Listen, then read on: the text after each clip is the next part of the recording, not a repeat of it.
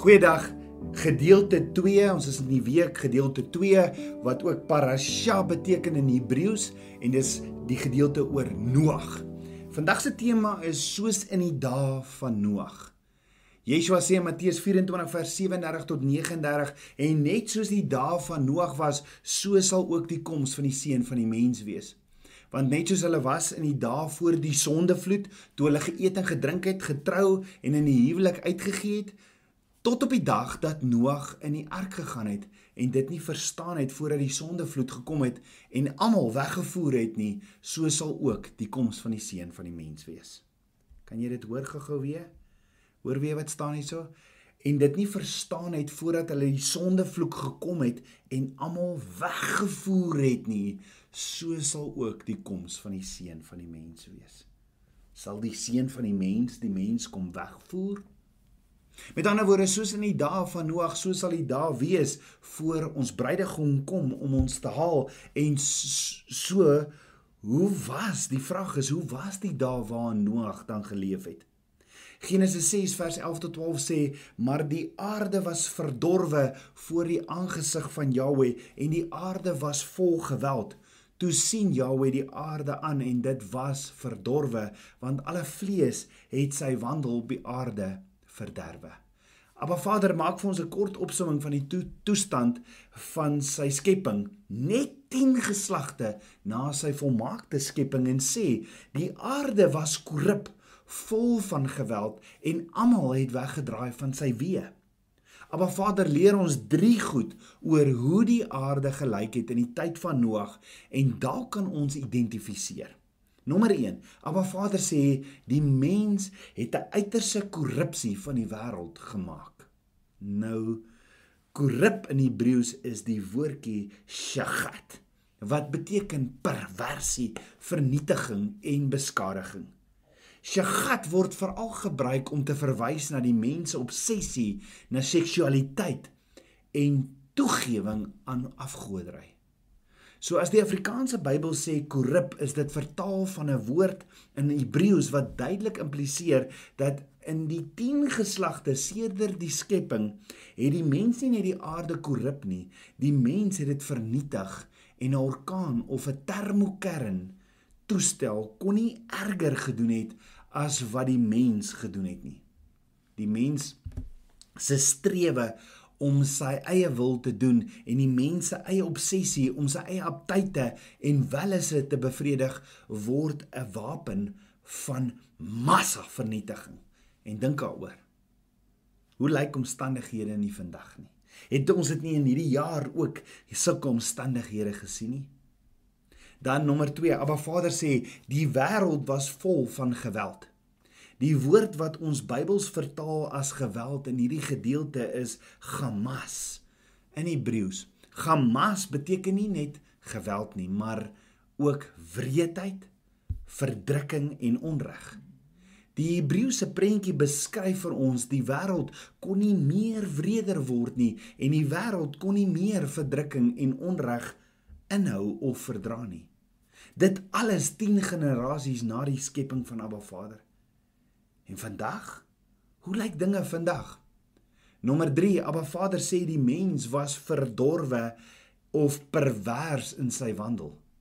Die mens was erg korrup en was besig om die aarde heeltemal te vernietig. Met ander woorde, die wêreld was nie net 'n gemors nie, nee, dit was in in 'n greep van van 'n doodspiraal. Die mens was besig om hulle self en die aarde te vernietig. En as ons dink die vloed was erg, dink gou aan die alternatief. As ons dink hoe die wêreld vandag sou gelyk het as dit nie vir die vloed was nie. En is hier waar ons dan Abba Vader se genade en liefde begin verstaan. So dink, dink daaroor. Wie het regtig die aarde en al die lewende wesens daarop vernietig in Noag se tyd? Was dit Abba Vader? Het Abba Vader teen sy eie skepping gedraai en alle lewe vernietig behalwe vir die agt lewens en diere wat hierdie toegangskaartjie gekry het om in die ark te klim. Nee, die volle waarheid is dat dit die mens was wat onafhanklik van Abba Vader geleef het wat die hele aarde vernietig het. Die mense het die aarde so bederf dat dit nie langer kon bestaan sonder 'n radikale hervorming nie. En die volle waarheid is dat die ingryping van Abba Vader 'n daad van genade was. Dit was 'n pynlike ingryping, maar 'n heavy, heavy noodsaak noodsaaklike uh chirurgie wat die wêreld en die mens se enigste hoop op haar oorlewing was. Verstaan jy? As dit nie vir die vloed was nie, sou daar vandag geen lewe gewees het nie. So die vloed was nie 'n aaklige daad van Abba Vader nie. Nee, dit was 'n ingryping deur ons Skepper wat so lief was vir sy skepping, die mens. Noag gee totale oorneem en daar vind 'n goddelike afspraak, 'n divine appointment plaas toe Abba Vader en Noag tussen Abba Vader en Noag. Daar's 'n divine appointment het plaasgevind plaasgevind tussen Abba Vader en Noag. Ons moet weet en verstaan Abba Vader is nie afsydig nie en hy kruip nie vir my en jou weg nie. Nee, as jy Abba Vader se woord bestudeer, kom jy agter Abba Vader roep my en jou met 'n passie nader aan hom. Sy hartsbegeerte is dat ons terugkeer na hom toe. Abba Vader se grootste hartsbegeerte is jy. Hy soek na kommunikasie en interaksie met my en jou elke dag op die wonderlikste wyse. Jy sien reg deur die woord sien ons goddelike ontmoetings wat gelei het tot lewensveranderde gevolge. En die vraag is: is jy reg vir so 'n ontmoeting met Abba Vader? So hoekom nie hom soek? Hoekom nie Abba Vader nader en onsself beskikbaar stel vir ontmoeting met hom nie? Jy sien Abba Vader is soewerein. Hy en hy alleen sal op sy soewereine wyse besluit wanneer, waar en hoe hy homself gaan openbaar en met jou praat. En vir so 'n ontmoeting met hom moet ons voorberei deur onsself nederig oor te gee aan hom om sy wil te doen. Ons moet ons eie opinies, ons godsdiens, ons reputasies, ons prioriteit ons eie teologie en doktrines neerlê en net vertrou op hom. Hoor gou Tabernakels kind van Abba. Abba Vader het 'n goddelike ontmoeting en waarskynlik 'n reeks daarvan in gedagte vir jou op sy bepaalde tyd. Wanneer hy egter met my en jou ontmoet, moet niks in ons pad staan nie. Ons trek ons skoene uit, ons buig neer voor hom, gryp die soem van sy kleed aan en los nie tot sy wil, sy droom in ons volmaak is nie. Noag het so goddelike afspraak gehad en Abba Vader soos altyd het die afspraak geïnisieer. Ja, Abba Vader sê vir Noag in Genesis 6 vers 13 en die einde van alle vlees het volgens my besluit gekom want die aarde is deur hulle vervul met geweld. En kyk, ek gaan hulle saam met die aarde verdelg, maar vir jou 'n ark van goferhout. Met afdelings moet jy die ark maak en dit binne en buite met pik bestryk. Abba Vader sê verder in vers 17, want kyk ek bring 'n watervloed oor die aarde om van onder die hemel te verdelg alle vlees waar 'n lewensgees in is. Alles wat op aarde is, sal wegsterwe. So kan jy jouself indink. Abba Vader deel al hierdie met jou. Wat sal jy doen? Want onthou, Abba Vader deel dit met Noag. En Noag kon dit nie met 'n geestelike leier of 'n ander mens gaan bespreek en vra, hoorie, dink jy ek het reg gehoor nie? Teologie of eie opinies sou Noag niks in die sak gebring het nie. Inteendeel, enige mense raad of opinie sou net eenvoudig nie saak gemaak het nie. Moenie moenie my verkeerd verstaan nie. Daar is wel tye wanneer ons advies of, of raadgewing moet indien, maar 'n ware goddelike ontmoeting moet soos wat Noag gehad het maak alle sekondêre bronne irrelevant. Jy sien 'n goddelike ontmoeting is die grondslag van alle geestelike openbarings. En hoor gou-gou, die struktuur of die vereister vir so openbaring is verbond. Is covenant. Dis wanneer ek saam met Abba Vader in verbond stap.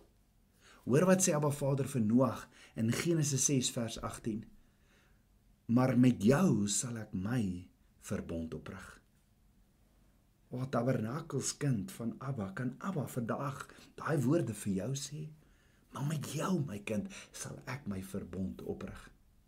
Jy sien Abba Vader kom nie net om te gesels of om eers jou besigheid te sien nie. Nee, Abba Vader kom om ons te ontmoet.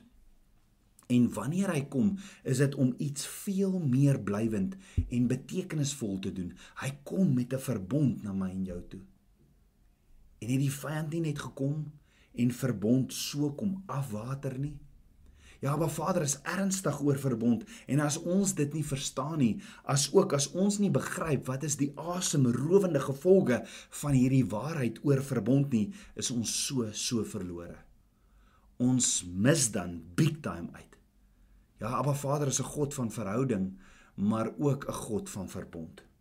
So wat is die verskil tussen kontrak en verbond? Ja, verbond en kontrak is verskillend want in 'n kontrak gee jy iets wat jy het. In 'n verbond gee jy jouself en dis presies wat Yeshua kom doen het aan die kruis op Golgotha toe hy gesê het, "But I will give myself to you." Deur sy bloed, deur sy woord en dan is dit nie so moeilik om te vergewe nie. 'n Verbond is ook nie net 'n belofte nie, dis 'n geestelike samesmelting, dis 'n een eenword soos 'n huwelik. Verbond is iets wat ewig, onveranderd, absoluut betroubaar en 100% versewe uh, verseker en gewis is. 100% verseker en gewis is. Want sien, verbond is bindend op elke denkbare manier nie net wetlik, moreel of eties nie, maar geestelik. 'n Verbond met Abba Vader verander alles in jou en in jou lewe. Verbond verander jou houding. Verbond verander jou perspektief en wysig jou gedrag, jou doel en prioriteit dadelik. Verbond is Abba Vader se woord wat my woord word. 'n verbond met Abba Vader is wat inhoud en voorspelbaarheid in ons verhouding met hom gee. Verbond met Abba Vader is meer waardevol as enige iets wat ons besit of ooit kan besit op aarde. So kan ek jou vra, het jy 'n verbond met Abba Vader? Het Abba Vader al 'n ontmoeting met jou gehad en aan jou 'n belofte gemaak? Nie net van sy ewige en onveranderlike liefde nie, maar ook die ewige beskerming, voorsiening en leiding van jou lewe. Het Abba Vader sy belofte aan jou verseël met die gawe van sy Heilige Gees, sy asem? Het Abba Vader aan jou beloof die uitgestrektheid van sy hulpbronne en die onverganklike, onvergelykbare krag van sy regterarm? Abba Vader het reg deur sy woord met sy kinders verbonde gesluit en daarom kan ons hom ook vra om 'n verbond met my en jou te sluit en dan ook om hierdie verbond ewig te kom inent en te kom seël met 'n sigbare teken soos met Noag.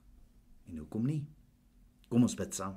Ons almagtige Vader, ja Vader, U is die koning van my hart.